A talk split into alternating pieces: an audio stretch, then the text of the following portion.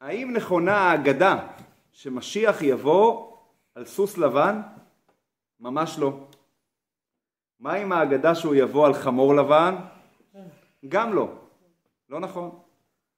האם משיח יבוא על חמור? אולי נכון. היום אנחנו נדבר על החמור של המשיח. מה המקור להגדה של הסוס הלבן שעליו יבוא המשיח, או החמור הלבן? למה בכלל זה רלוונטי איך משיח יבוא? העיקר שיבוא כבר, מה זה משנה איך הוא יבוא? בשיעור נלמד שהסיפור של החמור של המשיח הוא סיפור חשוב ורלוונטי עבור כל אחד מאיתנו. המקור לכך שמשיח יבוא על החמור הוא בנביא זכריה. הנביא אומר כך: הנה מלכך יבוא לך צדיק ונושע הוא עני ורוכב על חמור. המלך שמוזכר כאן זה מלך המשיח שהוא עתיד להיות עני ורוכב על החמור. בשיעור הקודם שעסק בשאלה מתי יבוא משיח למדנו את דברי התלמוד במסכת סנהדרין. התלמוד מביא את דברי דניאל, הנביא דניאל שכתוב שם וערו עם ענני שמיא, שמשיח יבוא על ידי העננים. ואז הוא שואל, רגע, האם הוא יבוא על ידי העננים או שהוא יבוא על ידי החמור? אז הגמרא שם משיבה ואומרת, זכו עם ענני שמיא, לא זכו, אני ורוכב על חמור. כלומר יש שתי אופציות, אופציה א' שזה יהיה על ידי עננים, אופציה ב' שזה יהיה על ידי חמור. אז אם כך, שאלתי האם משיח יבוא על חמור? התשובה היא אולי, תלוי איזה אופציה יהיה, אופציה א' או אופציה ב'. אז אנחנו הבנו מה המקור של החמור של המשיח, שאולי הוא יבוא אני ורוכב על החמור, אבל מהיכן המקור של ההגדה המוטעית שמשיח יבוא על סוס לבן או חמור לבן, איך הגיעה הטעות הזאת שהיא כל כך נפוצה בהרבה מקומות?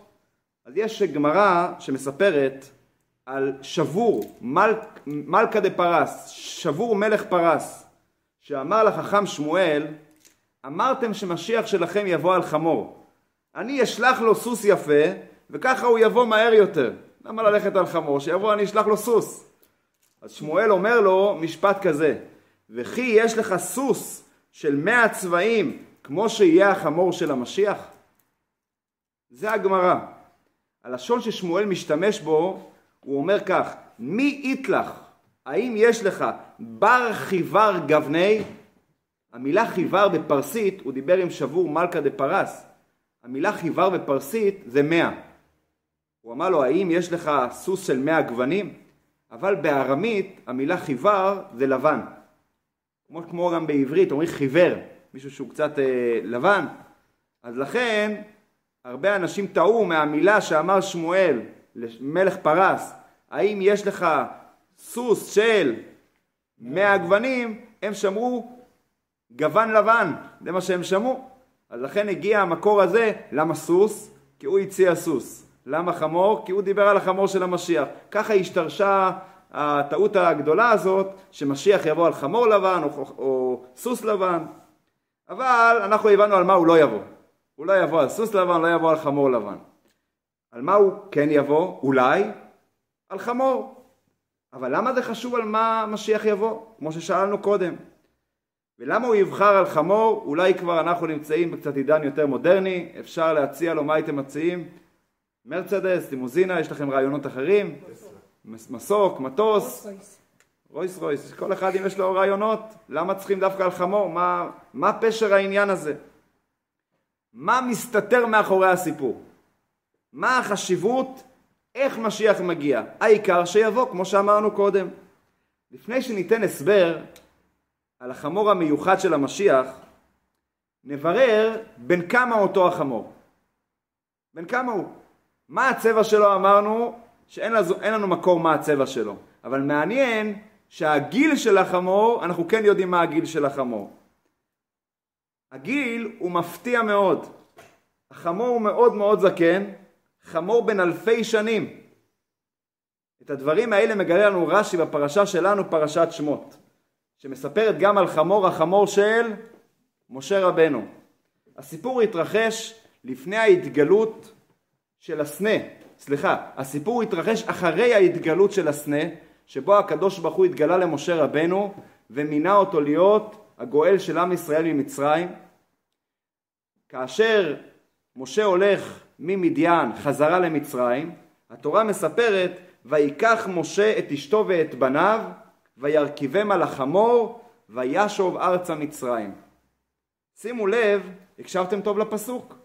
וירכיבם על החמור, לא כתוב וירכיבם על חמור. מה זה ההי הזאת?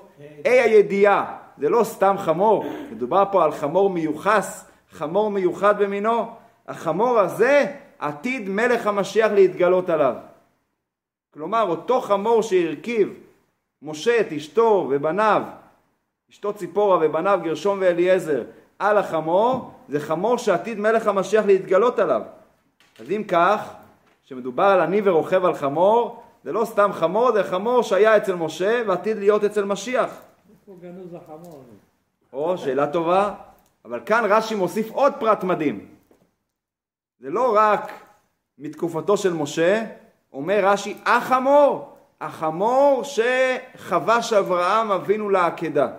מה הסיפור של העקדה? כל בוקר אנחנו קוראים את הניסיון של העקדה, והאלוקים ניסה את אברהם, קח נא את בנך, את יחידך, אשר אהבת את יצחק, ולך לך אל ארץ המוריה, וישכם אברהם בבוקר. מה הוא עושה? ויחבוש את חמורו.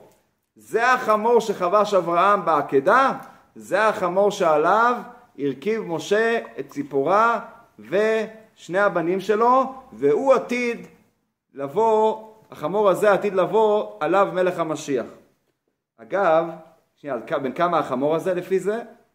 אמור להיות בערך בין 3,700 שנים. בעזרת השם משיח יבוא עכשיו. אם זה לא הספיק לכם, אם הוא לא חמור מספיק זקן, אז יש פרקי דרבי אליעזר מדרש שאומר שבערב שבת, ערב שבת בין השמשות נברא האתון, פי האתון, האתון של בלעם. אז יש בפרקי דרבי אליעזר אומר שהבן של האתון של בלעם זה החמור שעליו אברהם, אותו אברהם חבש, עליו משה הרכיב את אשתו ובניו, ועליו עתיד מלך המשיח להתגלות. אבל זה לא כתוב ברש"י, זה מביא פרקי דרבי אליעזר. אבל בכל מקרה הוא מספיק זקן, גם אם אנחנו ניקח אותו מבריאת העולם, או מתקופתו של אברהם אבינו, ואנחנו צריכים לנסות להבין, להבין מה הסיפור של אותו חמור של אברהם, משה ומשיח. או, אתה אומר שזה סמל ואנחנו כבר נראה, אבל לפני שאנחנו נדבר על החמור של המשיח, אני רוצה רגע אחד לפני זה לדבר על פרשת השבוע, על חמורו של משה. למה היה חשוב שהחמור של משה יהיה אותו חמור של אברהם ואותו חמור של משיח? מה היה? סך הכל משה הולך ממדיין למצרים, לוקח את האישה, הילדים, הולך לגאול את עם ישראל. למה היה חשוב שיהיה פה חמור מיוחד? מה הסיפור כאן? אז באמת למדנו קודם שלפני שמשה הרכיב את בניו ואשתו על החמור, הוא היה עד להתגלות מאוד מיוחדת, ההתגלות של הסנה, שבו הקדוש ברוך הוא מינה אותו להיות הגואל של עם ישראל ממצרים. מעניין שבניגוד למנהיגים של היום, שכל מנהיג אומר, אני הכי מתאים מכולם לתפקיד. לא זו בלבד, אף אחד אחר לא מתאים, רק אני מתאים. אצל משה רבנו זה היה בדיוק להפך. מה אומר משה רבנו? מי אנוכי כי אלך אל פרעה? מי אני שאני אלך אל פרעה? וכי יוציא את בני ישראל ממצרים? אני לא מתאים לתפקיד, מי אני בכלל? אני לא חשוב, אני לא מתאים לתפקיד. משה סירב לתפקיד. זאת הסיבה, כך מסביר הרבי מלובביץ', הסבר נפלא ביותר, למה אלוקים זימן לו את החמור של אברהם ושל משיח. הוא בא לתת לו תשובה, אתה אומר מי אני? קודם כל תזכור את החמור של אברהם. מה זה אותו חמור של אברהם? אותו חמור שאברהם חבש, מתי הוא חבש אותו? כשהוא הולך לעקוד, קח נא את בנך את יחידך, וישכם אברהם בבוקר, ויחבוש את חמורו. אומר רש"י, שאברהם אבינו היה זריז, הזדרז למצווה. יתרה מכך, חבש בעצמו את החמור ולא המתין שהעבדים שלו יחבשו את החמור. כלומר, הוא לא שאל שאלות, מיד אומר, הנני חובש את חמורו. אומר לו הקדוש ברוך הוא, נתנו לך משימה, אל תתחיל להגיד כן מתאים, לא מתאים, הנני, תבצע את המשימה. הוא החמור שחבש אברהם, תלמד מאברהם אבינו. אבל לא מסתפקים רק בחמור של אברהם, אלא גם בחמור של משיח. מי זה משיח? אני ורוכב על החמור. מה זה אני ורוכב על החמור? לא רק רוכב על החמור, גם אני. אני זה מראה על אדם שפל, על אדם שלא חש מעצמו, אדם עני. משיח יהיה עני. למה זה חשוב שהוא יהיה עני? כדי ללמד אותנו שהענווה והשפלות, לא רק שזה לא מפריע למנהיגות, אלא זה כלי, זה אבן הבוחן למנהיג אמיתי. אדם שלא חש מעצמו. משיח, זה שיגאל את עם ישראל, איך הוא היה? אני, איך הוא יהיה? אני ורוכב על חמור. וזו תשובה למשה רבנו. אתה אומר, מי אנוכי? א', תלמד מאברהם שהזדרז ולא שאל שאלות, ב', האני הזה שאתה מרגיש מי אני ומה אני, זה גם ישראל, האני והעני, כן? מי אני? מי אנוכי? אני זה דבר טוב, אדם שהוא שפל, מי אנוכי? כי משה רבנו צריך ללמוד ממשיח שיהיה עני ורוכב על חמור, הביטול והענווה היא כלי למנהיגות. וזה בעצם הרמז שהקדוש ברוך הוא שלח את החמור הזה של אברהם ושל משיח.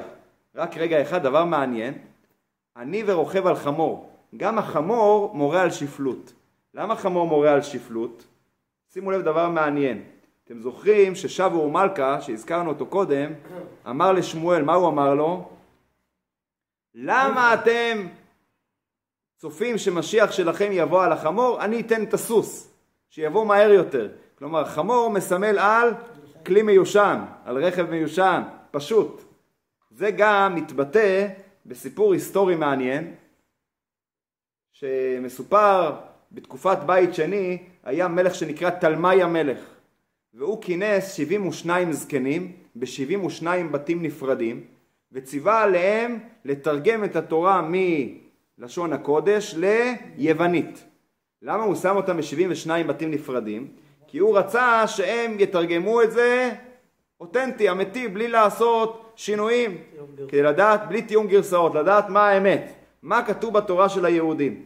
מספר התלמוד שנתן הקדוש ברוך הוא בלב כל אחד ואחד וכיוונו כולם לדעה אחת. נעשה נס והם ערכו כמה וכמה שינויים בתורה וכולם עשו את אותם שינויים. השינוי הכי פיקנטי זה השינוי על הארנבת. במקום לכתוב ארנבת בחיות הטמעות, כתבו צעירת הרגליים. למה? כי אשתו של תלמי קראו לה ארנבת. ושלא יאמר, שחקו בי היהודים, עושים ממני צחוק ומכניסים את השם של אשתי לתורה. לכן הם שינו כולם, כתבו צעירת הרגליים. אבל למה סיפרתי את הסיפור? כי גם הפסוק שהזכרנו קודם, שמשה לקח את אשתו ובניו וירכיבם על החמור, גם עבר שינוי. מה הם כתבו? במקום לכתוב וירכיבם על החמור, הם כתבו ושינו על נושאי בני אדם. מה זה נושאי בני אדם? אומר רש"י, זה גמל או סוס, שאז היה מקובל ללכת עליהם. כדי שתלמי לא יאמר, רגע, המנהיג שלהם רוכב על חמו? מה זה הדבר הזה? משהו משונה פה. לכן הם שינו וכתבו נושאי בני אדם, שמזה אפשר להשתמע שהכוונה על גמל, שזה היה כלי תחבורה יותר אה, מתקדם, או על סוס, אבל אנחנו רואים שהחמור מסמל על שפלות, על כלי רכב מיושן. אז אולי אפשר גם להוסיף שזה הסיבה שזה הסבר שלי, אני רק הוספתי את זה כי זה לא ההסבר של הרבי, אבל זה מתאים לאותו הסבר שמשיח עתיד להיות עני ורוכב על חמור. עני אמרנו זה הביטול, וגם רוכב על החמור זה מראה על כלי רכב מיושן, שזה שוב מראה על ביטול. וזה המסר שהקדוש ברוך הוא מביא למשה רבנו, אתה הולך עכשיו למצרים, אתה הולך לגאול את עם ישראל, תלמד מהחמור של אברהם, שאמר הנני, שלא שאל שאלות, תלמד מהחמור של משיח, שיהיה עני ורוכב על החמור, שהביטול והשפלות זה כלי, מרכיב חשוב למנהיגות. עד כאן דיברנו על חמורו של משה, אבל השאלה שלנו, שעליה אנחנו היום אה, נמקד את השיעור, וזה הנושא המרכזי שלנו, זה על החמור של משיח. למה משיח מגיע על חמור? למה זה חשוב לנו ולמה החמור הזה צריך להיות קשור למשה וצריך להיות קשור לאברהם, מה מסתתר מאחורי הדברים. השבוע אנחנו נציין בעזרת השם ביום חמישי את יום ההילולה של בעל התניא, כ"ד בטבת. לפני כמה שבועות מסרתי שיעור מיוחד, זה היה בקשר לי"ט בכסלו, שיעור מיוחד על שלוש תובנות משני חיים מתוך ספר התניא. ממליץ למי שלא צפה לצפות, אבל היום אני רוצה לתת עוד תובנה אחת, שהיא לא רק משנת חיים, היא משנת את העולם כולו. מתוך ספר התניא לכבוד ההילולה של בעל התניא, והתובנה הזאת תיתן לנו אור יקרות על הסיפור של החמור של משיח. תפיסת העולם הרווחת היא שכל אדם נמצא בעולם לתקופה מסוימת, חיים של אה, קצובים, והתפקיד שלו הוא לעשות מעשים טובים, להרבות אור, מצוות, כמה שיותר להימנע מלעשות עבירות, והאדם שבאמת מתנהג כך, הוא מילא את השליחות שלו כראוי אחרי 120. מגיע בעל התניא ואומר, מבט חדש ומיוחד על התפקיד של אדם בעולם. התפקיד שלך, שלך, של כל אדם פרטי, הוא לא תפקיד אישי. אנחנו לא עובדים כל אחד לעצמו. אנחנו עובדים תפקיד ציבורי. אבל מה הכוונה ציבור? של כל הדור כולו, ולא רק של כל הדור כולו, אלא של כל הדורות כולם, החל מהיהודי הראשון אברהם אבינו, ועד היהודי האחרון לפני ביאת המשיח, שנקווה שזה אנחנו, בעזרת השם בקרוב, כולנו מרוכזים במשימה אחת. משימה אחת עם הרבה דורות והרבה אנשים. מהי אותה משימה? מביא בעל התניא את המדרש המפורסם בספרי החסידות, מדרש תנחומה, שבו אומר המדרש מה הסיבה שהקדוש ברוך הוא ברא את העולם? נתבע הקדוש ברוך הוא להיות לו דירה בתחתונים. הקדוש ברוך הוא ברא את העולם כדי שיהיה לו דירה כאן בעולם. זה הסיבה שהוא ברא את העולם. דירות, היו לו במהלך השנים כמה דירות, הם היו דירות ארעיות. היה משכן במדבר, במדבר, היה משכן בשילה, נו וגבעון, היו בתי מקדש, בית המקדש הראשון, בית המקדש השני, אבל כולם היו דירות זמניות. מה הקדוש ברוך הוא רוצה כאן בעולם? הוא רוצה פתרון קבע, דירת קבע כאן בעולם. בניית קבע עבור אלוקים, אומר בעל התניא, לא דורשת כסף, היא גם לא צריכה חומרי בניין, אלא צריכים להכין את המקום של העולם, שבו הקדוש ברוך הוא רוצה בתחתונים כאן בעולם הזה, שהמקום של העולם יהיה ראוי שבעל הדירה יבוא להתגורר בו. מי זה הפועלים של הבניין? עם ישראל. לאורך הדורות, מאברהם אבינו, היהודי הראשון, עד לדור שלנו, כולנו עכשיו פועלים שנמצאים תחת משימה אחת בלבד, לבנות את העולם דירה לקדוש ברוך הוא. איך בונים את העולם? פועלים הבנו מהם, אבל איך, איך בונים את העולם? על ידי מצוות ומעשים טובים. כל מצווה ומעשה טוב זה עוד לבנה, זה עוד מלט לבניין הגדול, לדירה של הקדוש ברוך הוא. אני אגיד בסוגריים שאם אדם עובר עבירה, או אדם עושה מעשה לא טוב, הוא יכול גם לפרק מדי פעם כמה לבנים שנבנו. גם את זה צריכים להיזהר. בהשלמת המשימה העולמית זה יהיה כאשר הבניין יהיה מוכן והקדוש ברוך הוא יבוא לשכון בתוכו. כל דור של יהודים, בכל הדורות, מקדמים את התהליך של בניית הבניין. עוד שלב ועוד שלב עד השלב האחרון שבעזרת השם יהיה בתקופתנו. וכאן מגלה לנו בעל התניא חידוש מאוד מיוחד. היות ודירת הקבע של אלוקים מיועדת להיות איפה?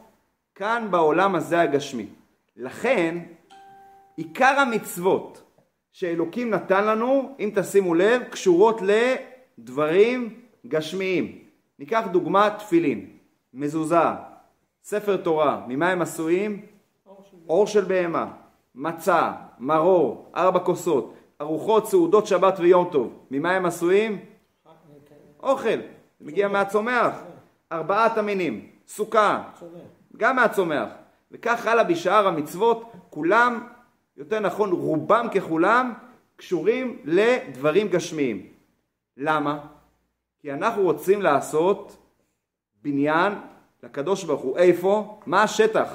השטח זה העולם הגשמי. לכן אנחנו צריכים להכשיר את השטח של העולם הזה הגשמי. מוסיף בעל התניא ואומר, זה לא רק בקיום המצוות, אלא גם כשאדם סתם מתעסק בדברים גשמיים. כשאדם אוכל, שותה, ישן, מטייל, עובד, מתעסק סתם בענייני חולין, גם אז הוא צריך להכשיר את הדברים הגשמיים שיהיו מוכנים לדירה של הקדוש ברוך הוא. איך עושים את זה? אם הוא מתעסק בכל הדברים הגשמיים במטרה שיהיה לו כוח לעבוד את השם. אז כל הדברים שהם לכאורה סתם, גם הם חלק מהתפקיד של בניית הדירה לקדוש ברוך הוא. כי איך אפשר לעבוד את השם אם אין לך דירה, אם אין לך רכב, אם אין לך כסף, אם אין לך אוכל. לכן ההתעסקות בדברים הגשמיים היא חלק בלתי נפרד מהכנת הדירה שהם המצוות והמעשים הטובים. אז דיברנו על הפועלים שהם עם ישראל לאורך הדורות, דיברנו על החומרים שמהם עושים את הדירת קבע של הקדוש ברוך הוא, שזה הדברים של העולם הזה הגשמי.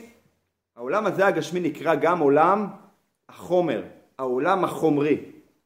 הדרך לבנות את העולם זה לקחת את החומר הגשמי, הדברים הגשמיים, ולקדש אותם על ידי תורה ומצוות. את חומרי הבניין האלה אפשר להגדיר במילה אחת חמור. חמור מלשון חומר. התפקיד שלנו הוא להכין את החמור כראוי. החמור זה החומר של העולם, וזה הסוד המיוחד במינו על פי היסוד שלמדנו מנתניא של החמור של משיח. משיח יבוא ויתגלה על אותו חומר שאנחנו מכינים אותו כראוי לאורך כל הדורות. אנחנו מכינים אותו שיהיה ראוי שיתגלה בו הקדוש ברוך הוא, שהוא יהיה דירה לקדוש ברוך הוא. היות שהעבודה היא משותפת כמו שאמרנו, אנחנו לא עובדים לבד, אנחנו לא עובדים רק כל דור בנפרד, אלא כל הדורות עובדים במשותף. לכן הסיפור של החמור עבר שלבים שונים. אברהם אבינו היה היהודי הראשון, לכן הוא הראשון שטיפל בחמור. ויחבוש את חמורו. מה הוא עושה לחמור? חובש אותו. הוא מתחיל כבר לטפל בו. אבל זה היה שלב ממש מקדמי, היהודי הראשון. אז לכן אם תשימו לב, שהוא חבש את החמור, לא כתוב שהוא רכב עליו, לא כתוב שהבן שלו רכב עליו, הוא שם שם את העצים, את המאכלת, את החפצים שלו. החמור עדיין לא היה כלי, הוא לא היה עדיין מוכן לקלוט את אור הקדושה. זה היה טיפול ראשוני של אברהם אבינו. עברו כמה דורות, הגיע משה רבנו. משה רבנו, הסיפור של החמור, זה כבר היה אחרי הגלות הקשה של מצרים. הגלות, מטרתה היא לזכך, לצרף בהן את הבריות. צריכים לזכך את האנשים, כל האיסורים הקשים שעברו, זה הכין אותם להיות ראויים לגאולה. כאשר עברו את תקופת הגלות של מצרים, אוטוטו מגיע מתן תורה, החמור עבר שלב. מי ויחבוש את חמורו? מגיע משה, לוקח את אשתו, את הבנים שלו, מרכיב אותם על החמור כבר. החמור עבר שלב של זיכוך נוסף שאפשר כבר להשתמש בו עצמו, אמנם לא משה רבינו עצמו, מוקדם מדי, משה היה הנביא הגדול, משה היה עבד השם, אשר ידעו השם פנים אל פנים, זה היה מוקדם מדי שהוא יתגלה על החמור בעצמו, אבל החמור עבר שלב נוסף, משה מרכיב את אשתו כגופו, את הבנים שלו על החמור. מאז החמור הולך ומתקדם. החמור, החומר, הולך ו... לא צומח על חמור, כשהיית צומח, אלא הולך ומזדכך, הולך ונהיה מוכן, הולך ונהיה ראוי, עד שבקרוב בעזרת השם יבוא משיח, שעליו נאמר, אני ורוכב על החמור, הוא עצמו ירכב על החמור, הוא עצמו ירכב על החומר, כלומר, החומר כבר יהיה ראוי לגלות את האור הגדול של משיח, העולם יהיה מוכן כבר לקראת הגאולה. אז אם כן... שכתוב זכו, זכו אני ורוכב על החמור, אפשר. לגבי הזכו זה כבר עניין נוסף, אני...